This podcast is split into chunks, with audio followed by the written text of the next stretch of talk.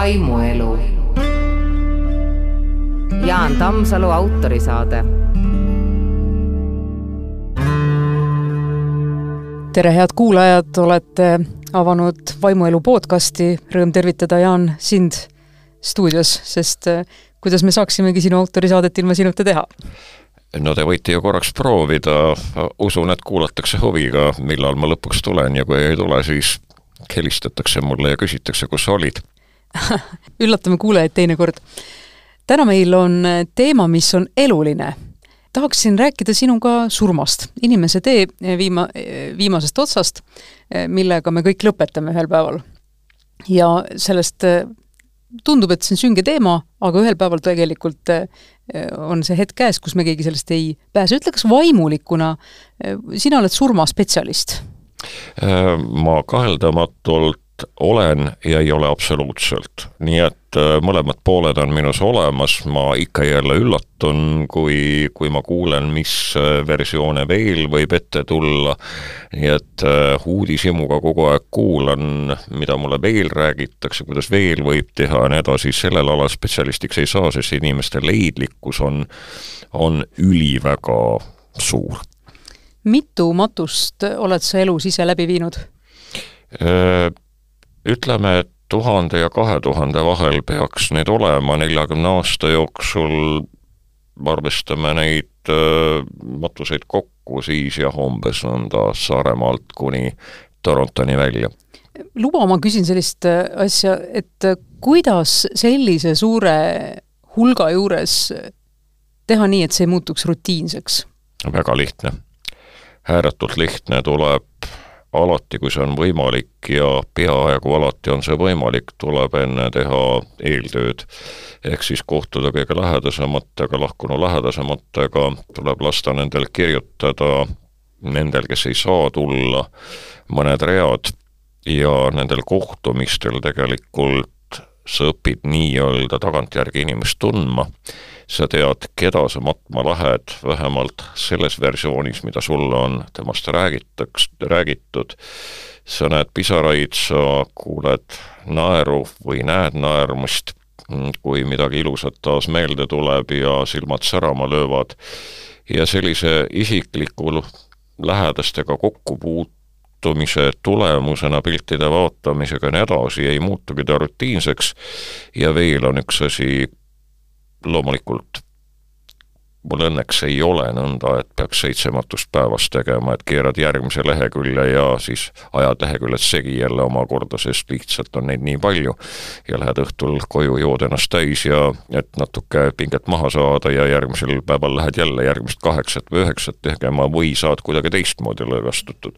mul on õnneks vahepeal laulatusi, ristimisi, jumalateenistusi ja, ja neid vaimuelusaateid ja muid asju ma nüüd hüppasin küll kohe matuste juurde otsaga, aga tegelikult äh, enne matuseid on ju veel see aeg, kui inimene sureb, mõni, mõnel läheb pikemalt, teised saavad surma õnnetuses väga äkki, ja meil on ka surnutega seoses, on Eestis mitmed sellised pühaks peetavad tõed.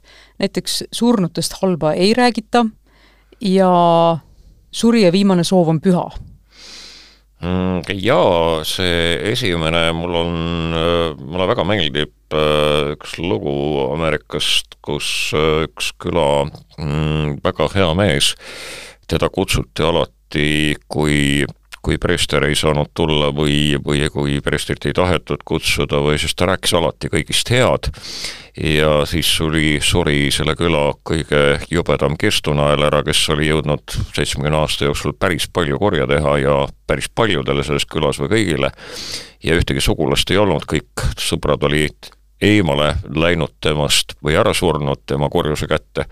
ja siis külarahvas tuli kokku ja mõtles, et kutsume selle Johni, kes kõigist head räägib, et, et saaks, saaks nüüd kuulata, mis nüüd ja nad tulid ka kõik sellele matusele, nagu oleks pool kerest maetud. see on üks suurimaid matuseid, mis Eestis on olnud, sellepärast tõin selle siia kõrvale ja siis nad vaatasid ja vaatasid ja naeratasid juba, sest John vaikis. siis John äkki ütles, et keerame kirstukaane lahti, et ta tahaks korraks kadunule näkku vaadata ja siis lõid ta silmad särama ja ta ütles kadunukesel olid ilusad lumivalged hambad keerame kirstukaane kinni. nii et ta leidis selle lahenduse ja küllap ka meie leiame lahenduse, leiame need lumivalged hambad üles ja ja küllap see surm paljusid lepitab ja, ja äkki tuleb meelde, et mitte ainult halba, vaid, vaid väga palju oli ka head ja, ja rääkigem seda head. aga on sul olnud selliseid äh, reaalseid juhtumeid ka, kus pere istubki niimoodi nagu suu vett täis ja kellelgi pole midagi sellist öelda, mida nad matusekõnes kuulda tahaks? oo äh, oh jaa, klassika on see, et ta tegi palju tööd, ma palun veel kord öelda, et, et äh, rääkige palun EMO-st midagi, ta tegi väga palju tööd. no kui on jutt isast, siis tegi kolm korda kohe väga-väga-väga palju tööd. Ja, ja, ja siis, kui ma küsin, aga kas midagi muud ei ole, ei, aga ta oli väga töökas kuigi ta viimased kolmkümmend aastat lebas juba torud otsas ja nii edasi, aga, aga, aga noh, võib-olla oli töökas ka seal. nii et ähm, on küll olnud, jah äh,, seda juhtub ka laulatusteil, kui, kui mehel ei ole oskust öelda oma kalli kaasa kohta mitte midagi muud, kui ma palun viis head, head lauset ütelda, mille pärast sa teda armastad ja siis tuleb ilus, ilus, ilus, ilus, ilus, ilus. kuus korda ilus, mis sa veel tahad? aga ilu ei anna ju padaja panna, nagu öeldakse, nii et jaa, igasuguseid kogemusi on. räägime sellest ka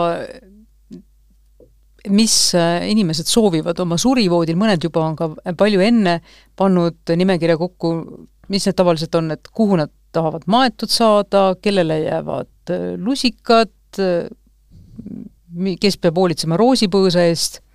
oo oh jaa, ütleme nii, et ma olen ikka ja jälle matustel, selliste inimeste matustel, kelle kohta ma tean, et on varakult juba asjad valmis kirjutatud, kirjutanud, öelnud ka, kuhu ta kirjutatu pani.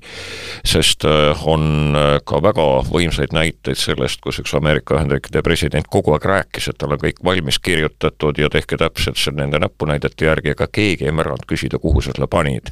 ja kolm aastat hiljem leiti üles ja saadi aru, et oli täiesti teistmoodi tehtud, kui meie Lennart Meri ütles täpselt, kuidas ta tahtis ja, ja väga paljud teised on ka olnud niivõrd targad, aga ma ütlen, sellistel matustel, kus inimene on asjad Eh, selgelt inimestele ära öelnud, kas või kirja teel või kirjalikul teel, erinevate inimeste kätte, erinevate laste kätte andnud neid kopeeritud kirju ja nii edasi äh,, olen alati öelnud, et tegemist oli väga targa inimesega. ja kuni need soovid on mõistlikud ja sisaldavad infot, mis on vaja inimese ärasaatmiseks mõistlikul moel, siis ma arvan, et see võib olla päris hea raam või, või suur abi lähedastele, kes siis teavadki, mida panna selga, keda kutsuda ja kuidas kõik peaks minema? jaa, seal ongi tavaliselt eh, just nimelt eh, see ja, ja mulle tuleb meelde üks ühe vana koorijuhi selline, selline lugu, kus ta siis oli korrald-, kirjutanud ka nimekirja nendest inimestest, keda kutsuda ja telefoninumbrid olid nimedel taga, sest kuidas ma tean, kust ma leian selle või teise või kolmanda inimese, kõiki guugeldama hakata, mul on viis päeva võib-olla aega kogu selle asja korraldamiseks ja ma ei leia üles. aga selle nimekirja üks omapära oli see, et ta elas väga kaua ja sealt oli maha tõmmatud umbes kaks kolmandikku. järjest oli, oli tõmmatud suure jämeda joonega kindla pliiatsiga neid imesid maha, lõpuks oli jäänud seitse nime. nii et äh, jah, ka seda tarkust, et kirjutad valmis, aga, aga korrigeerid asja. ja kui sa räägid, et kui see on mõistlik, jah, ma ütleks, et kõige drastilisem on see, kui mulle üks naine tuli rääkima, et tema mees, kes teda pidevalt on tümitanud ja, ja üldse üks kuri inimene olnud, et nüüd oli ta siis välja mõelnud, et kui ta nüüd sureb, et siis peab ta ära tuhastama ja, ja tuhast peab ühe väikese osa kotikesse panema ja see kotike peab olema naisel edaspidi kogu aeg kaelas, eriti siis, kui ta reisidul hakkab käima, et ta saab siis ka reisule tulla ja ma ütlesin sellele kurvale või hämmeldus olevale, hämm-, hämmingus olevale inimesele, et et lähed ja ütled sellele oma, oma vanamehele, et eluaeg oled mind terroriseerinud, et vot sellest hetkest alates on kõik. et sellist lollust me tegema ei hakka. et on ka selliseid soove ja no, mis kas, sa sellistega teed? kuulati? Äh, üldiselt see tädi enam tagasi ei tulnud ja ma ei pidanud teda matma lähipäevadel. et mitte alati me ei saa öelda, et kõik soovid on täitmiseks sellepärast, et vahel ka tegelikult juhtub, et et inimesed oma elu lõpus ei ole võib-olla nii selged ja. enam ja ja, ja nad ei taju ka, kui ebarealistlikud on need asjad, mida nad jätavad endast siis koormana maha. jah, kas või need, need selged soovid, mida aina korrutatakse, et ma tahan oma hoovi selle kivi kõrvale ja nii edasi ja, ja mida, mis saab siis, kui, kui ükskord äh, need järeltulijad selle maja maha müüvad, et, et kas nad ütlevad edasi ka, et, et emakese eest palun hoolt kanda, eks ole, kes on teil siin ukse ees ja nii edasi, et, et kui inimesed ei mõtle järeltulevate põlvede peale, kui nad ei mõtle, mis selle sooviga kuidas seda siis nii-öelda tegelikult täita on võimalik, sest elu ei lähe mitte alati nii, nagu sa oled lootnud ja aeg-ajalt olen ikka meenutanud seda hauakivi, mis oli paksus võsas, mille peal oli raiutud, rostetab või mureneb kivi, roostetab raud ja iial ei lähe meil meeles su haud. Võsa oli kasvanud peale kaheteist aastaga selline, et see kivi oli peidus. aga see tõotus selle võsa taga oli olemas, et me peaksime natukene mõtlema, kuivõrd realistlikud on meie lubadused ja ka meie soovid, meie igatsused ja aeg-ajalt meil tuleb ka läbi rääkida lähedastel omavahel, et kas see soov ikkagi on täidetav. et äkki oli lubjatükk ikka väga tugevalt juba kuskil ees, et kui ta sellisel viisil soovis, noh näiteks kortermajas kakskümmend viis aastat akna peal, küünal kogu aeg juures, küünal kogu aeg põlemas võib ju neid jah, neid igasuguseid digiküünlaid panna, aga kor-, korteri eest tuleb kakskümmend viis aastat ka maksta. et äh, neid on väga kummalisi olnud ja aeg-ajalt ka minu käest tullakse küsima, et kas me peame seda täitma ja ma olen öelnud, et mitte mingil juhul, aga te peate omavahel kokku leppima, et te omavahel tülli ei lähe, sest keegi kui kolm lap-, last mõtlevad erineval viisil ja kokku ei suuda leppida, siis on keeruline jah, neid soove mitte täita ka soovide mittetäitmine peab olema siis väga kokkulepitud asi. aga need on sellised soovid, mis on nagu selgelt ebarealistlikud või, või teistele palju-palju kahju te-, tegevad.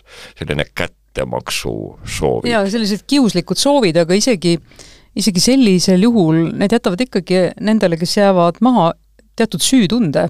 seda on kuidagi väga kerge teha meie inimestega või meie endaga, et noh, selle süütunde tekitamine, see on ka elavatel ju päevast päeva toimiv asi, et, et, et eks me seda õpime.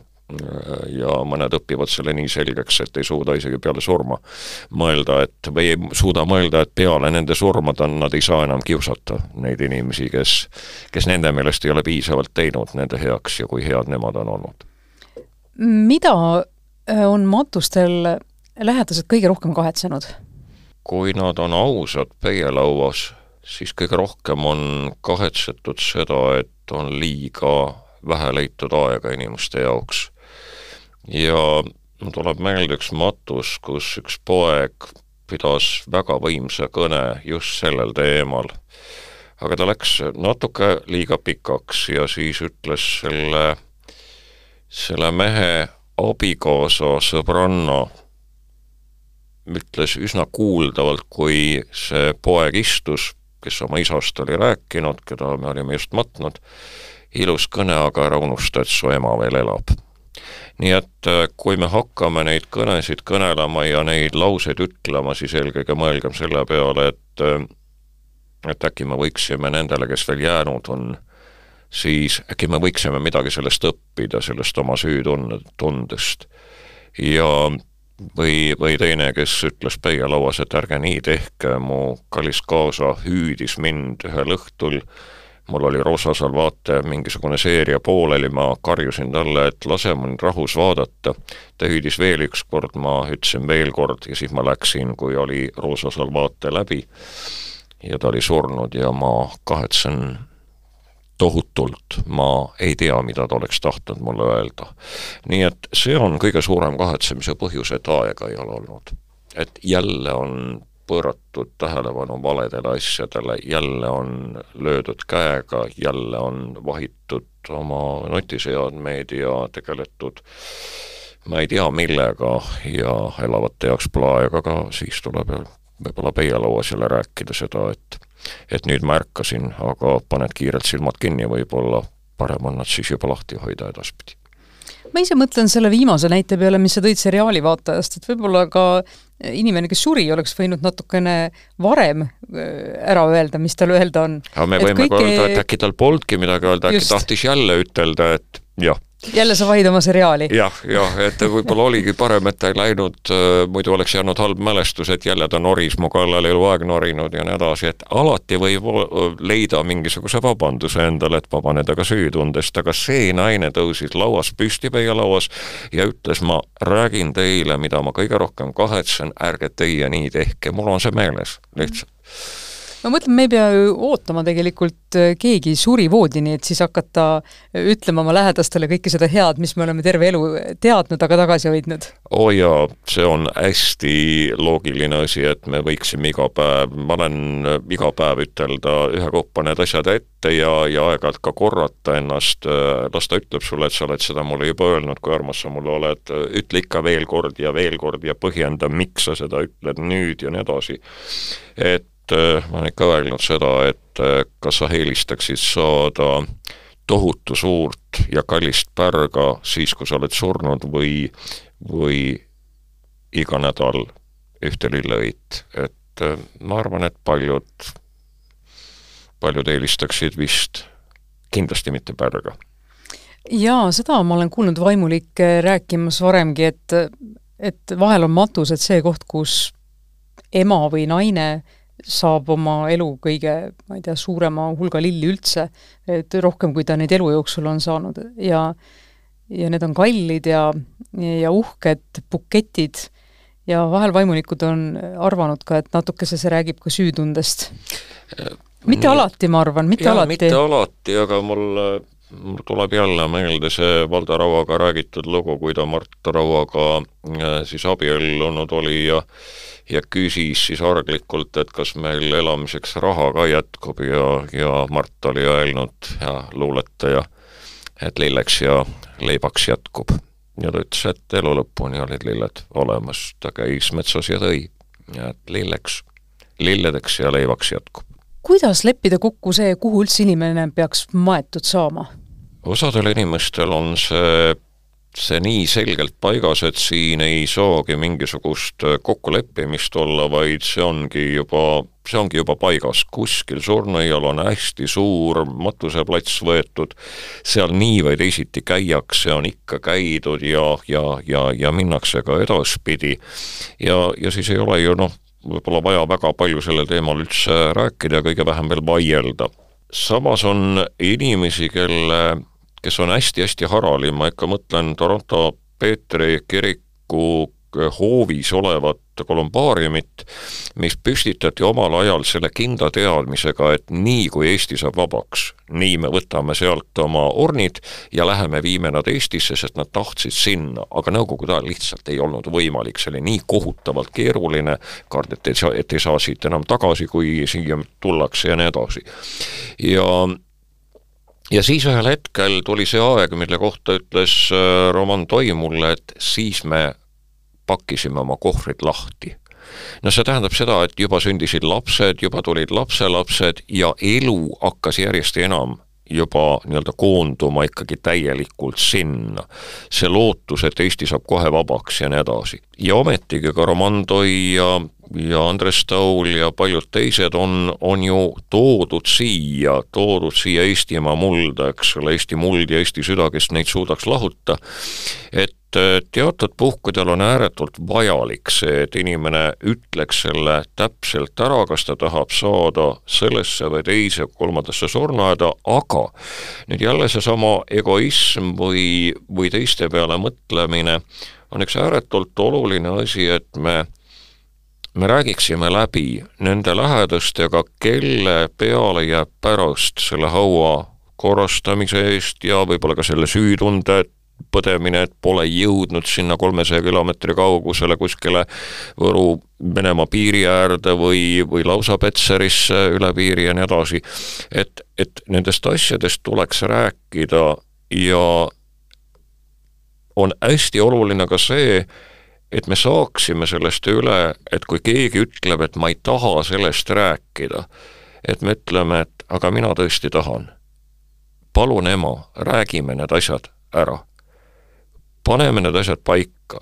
kõige hullem on tihtipeale see, et üldse ei ole räägitud ja siis aetakse sellega need lähedased tülli omavahel, eks ole, on antud mingeid vihjeid, ema on kuskil öelnud ühele tütrele seda, pojale seda ja siis on ka nad karvupidi koos, eks ole. et, et need asjad tuleb selgeks rääkida, neid sünnipäevi või neid, neid hetki, kus ollakse koos, jõuluõhtuid, kus küünalde meres on surnuaiad, neid on ju nii palju, kus saaks öelda, et kuule, mina tahaksin, et minu küünal põleks seal. ja, ja siis sa mõtled, et kas ta tuleb seda küünalt ikkagi siia neljasaja kilomeetri kaugusele Saaremaalt Võrumaale kuskile, kuskile süütama. äkki mõtleks nende peale ka, sest mis lugu on sellega, mis vahet on sellega, sellel, kas Kristus võtab sind Võrumaalt või Saaremaalt ükskord, eks ole, kui ta sind üldse sealt hauast võtab, selle üle mul on ka nagu tõsiseid kahtlusi tegelikult, et me nii materiaalselt võiksime mõelda, jah, ma juba kujutan ette, kuidas mõni vaimulik mulle nüüd, tõsiteoloog mulle kallale tuleb tõsiselt, aga no las ta siis tuleb natuke, kannatan sellega ära, olen harjunud. aga, aga lihtsalt see, et äh, olulisim on ju see või ääretult oluline on see, et need, kes jäävad et kuidas me nendesse suhtume, mida me paneme neid tegema. jah, tõsi, täna on ka võimalik see, et maksad oma sada või sada viiskümmend eurot ära ja neli-viis korda aastas süüdatakse küünal, koristatakse haud ja sinul ei ole seda süütunnet. aga need asjad võiksid paigas olla ja ja tuleks saada inimesed rääkima, ka need, kes ei taha rääkida, muide äh, nende jõulude eel osteti hästi palju äh, seda minu raamatut Surm on edasitee ja üks naine ostis neid kohe kuus tükki, ütles, ta tahab kõigile oma sõbrannadele, kes kogu aeg räägivad, et ma ei taha sellest surmast üldse midagi, mitte midagi rääkida, kes kardavad, ma kingin nendele kõigile, ega nad seda ära ikka ei viska. ja nüüd on tulnud järjest teateid, et vaikselt loetakse, vanamehele veel ei näidata, aga mõned on juba vanamehele ka pihku pistnud. et, et see on väga tore, et et, et siiski see teema, noh, seda on võimalik, kui sa ise ei taha seda rääkida, siis on olemas ju raamatuid, praegu tuli ju Marju Kõivupuu raamat välja, paks ja väga-väga põhjalik, seesama Surm on edasitee, millele ma viitasin, mis Varraku tellimusel eh, kunagi sai valmis tehtud Ret-, Reti Saksa illustratsioonidega ja, ja on, ja on õhem, et sealt saab äh, seda informatsiooni, mis paneb mõtlema ja, ja võib-olla kui inimene ei taha rääkida, kingi raamat, äkki siis ühel hetkel tahab. jaa, tõsi, Marju äh, Kõivu puhul on tulnud välja raamat Inimese lahkumine ja ka tema toob seal tegelikult välja selle sama äh, meie tänapäeva kaugenemise äh, surmast kui sellisest. ja selle, et ei taheta sellest rääkida, eks ta teemaks võtta, et varem oli see kuidagi nagu üldisemalt teada ja arusaadav et kes äh, sünnib, see ka sureb. üldiselt, üldiselt jah, seda juhtus ju tol korral alati ja seda juhtub praegu ka alati, et ma pole tõesti kohanud inimest, kes oleks aasta, aastasadadeks jäänud. välja arvatud Lenin muidugi. Va-, varem, varasemalt muidugi oli ütleme niimoodi, et surm oli lähemal, ei ja. olnud ju kiirabi, ei olnud sellist äh, pidid ise hakkama saama ja oli lähedal ja inimesed ei sõitnud kuskile Saaremaale Võrumaalt elama, eks ole, vaid kõik ja kui keegi, ja kui keegi suri, siis ei tellitud mitte autot järele, vaid äh, pesti, riietati, löödi kirst kokku, kaevati haud, et see kõik oli rohkem äh, nagu igapäevase Eluline. elu osa. jaa, absoluutselt, see on ära kadunud, aga aga midagi ei ole teha, need on asjad, need on, on öeldud, et kaks asja pidid olema surmkindlad, need on, üks on surm ja teine on maksud. maksudes ma ei ole üldse kindel, kui ma olen kuulnud, kuidas inimesed slikerdavad, aga surmas ma olen täiesti veendunud. siit on hea panna selleks korraks punkt, aga äh, meil on siin juttu rohkem, me räägime sellest edasi, eks ole, Jaan? Äh,? Olgu nii, nii nagu sa mulle ütled, sinu kuulekas teener kuulasite Vaimuelu podcasti, täna rääkisime surmast ja jätkame ka järgmisel korral teemal Surm on edasitee. aga Jaan, nüüd sinult mõtisklus. mõtisklus. surm on vaid lävepakk. surm on edasitee. Äkki suudame uskuda nii, nagu Sergei Jessenin, kes kord kirjutas Artur Alliksaare tõlkes surmast nii. sõber, hüvasti, mul ees on minek. sind ma kaasas kannan südames. tunnen nüüd, et ükski lahkumine ei saa lõplik olla iganes. nüüd, kus me ei kohtu, palun ainult ühte. ära ole minu pärast kurb. sündida maailma on nii lihtne sündimisest lihtsam veel on surm. ühelt Ameerika Ühendriikide presidendilt, õigemini ekspresidendilt küsis ajakirjanik tema üheksakümnendal sünnipäeval, kuidas härra ekspresident ennast nii kõrges vanuses tunneb. tema oli naeratanud ja öelnud, et härra ekspresident tunneb ennast väga kõbusalt, ainult see maja, majalobutikk mu ümber hakkab vist varsti kokku kukkuma jah, ka nii on võimalik mõelda või nii, nagu Pipi Pikksukk oma emast, kes oli ju surnud. Pipi jäi aeg-ajalt seisatama, lehvitas ülesse. sinna, kus taevas, sinna, kus pilved, sinna, kus tähed, sinna, kus päike, sinna, kus vikerkaar. ja ütles emale ühe lause. tema oli täiesti kaljukindel, et ema kuuleb, sest emad ju kuulevad ikka oma tütreid kindlasti. ta ütles emale, ema, ära minu pärast karda. mina saan alati hästi hakkama. tema lohutas ema, kes oli seal. ta ei öelnud, et ma vajan ise lohutust. ühte me teame hästi, ühte luuletust, vähemalt osa sellest, aga me paljud ei mäleta, et seal on veel mõned olulised read. ma kõnnin hallil ja lõpmata teel kesk nurmi, täis valmivat vilja. ma kõnnin ja kõnnin otsata teel ju, lapsena teesid armastas meel. teed laulavad õhtul hilja. tund hiline nüüd laulab lõpmata tee. meel igatseb tolmuta randa, jah, neid ridasid ma mõtlesin.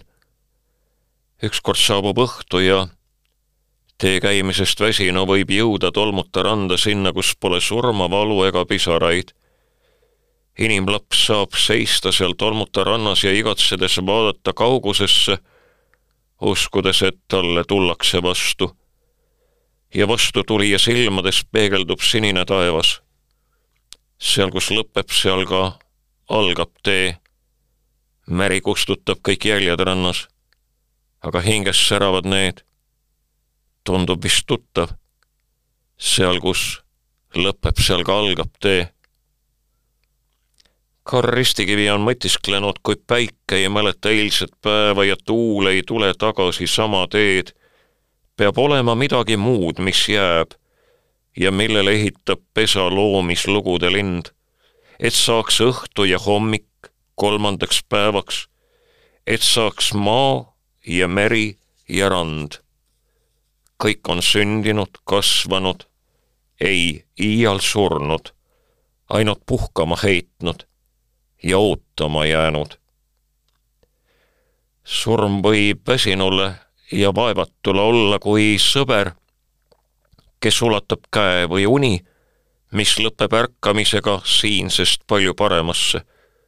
oleme vaid külalised selles maailmas, kellele on antud oma ülesanne ja siis tuleb siit ära minna. on lahkumise hetk inimlaps jääb lehvitama armsamale, kes läheb teele. mahajääja silmis on pisarad, ta süda on kurbust täis, aga aga tema ei usu, et siis, kui mineja kaob käänaku taha ja tema, mahajääja, silmad minejat enam ei näe, tema ei usu hetkegi, et minejat ei ole sellepärast olemas, et tema silmad tema, teda ei näe. aga ikkagi on kurb maha jääda oleks nagu õhtu või öö ja meile võib ehk tunduda, et hommikut ei tulegi enam, et elu jääbki hämar pimedaks ööks. aga nii ju ei ole. olin aasta tööl Torontos. kord kutsus üks mees mind oma vähist vaevatud abikaasa juurde, temast oli järgi jäänud veel kolmkümmend kaks või kuus kilo, ei mäletagi enam, aga igal juhul alla neljakümne kilo. ähk oli teinud oma laastamistööd. leppisime kokku, millal ma, millal ma lähen. mees tuli mulle järgi, teate, tegelikult ma ei tahtnud, et ta tuleks. ma lootsin, et äkki ta ei tule, äkki ta mõtleb ümber, aga ta ei mõelnud. siis ma lootsin, et auto läheb katki tee peal. siis ma lootsin, et lift jääb seisma. enne kahekümne kolmandale korrusele jõudmist torm ajas. aga mitte midagi ei jäänud seisma, mitte midagi ei jäänud katki, ma pidin minema. Aga see, mis mind seal ees ootas, oli ime. Poolteist tundi rääkimist sellest, kui imeline on olnud elu, kui palju head on selles elus olnud, kuidas hea Jumal on hoidnud ja varjanud, kinkinud lapsi ja lapselapsi, kui head nad kõik on tema vastu olnud. jagasin talle armulaua, hakkasin minema, sirutasin käe ette, panin kumeraks oma peopesa ja, ja ütlesin talle, et ma soovin talle nagu vana tiiri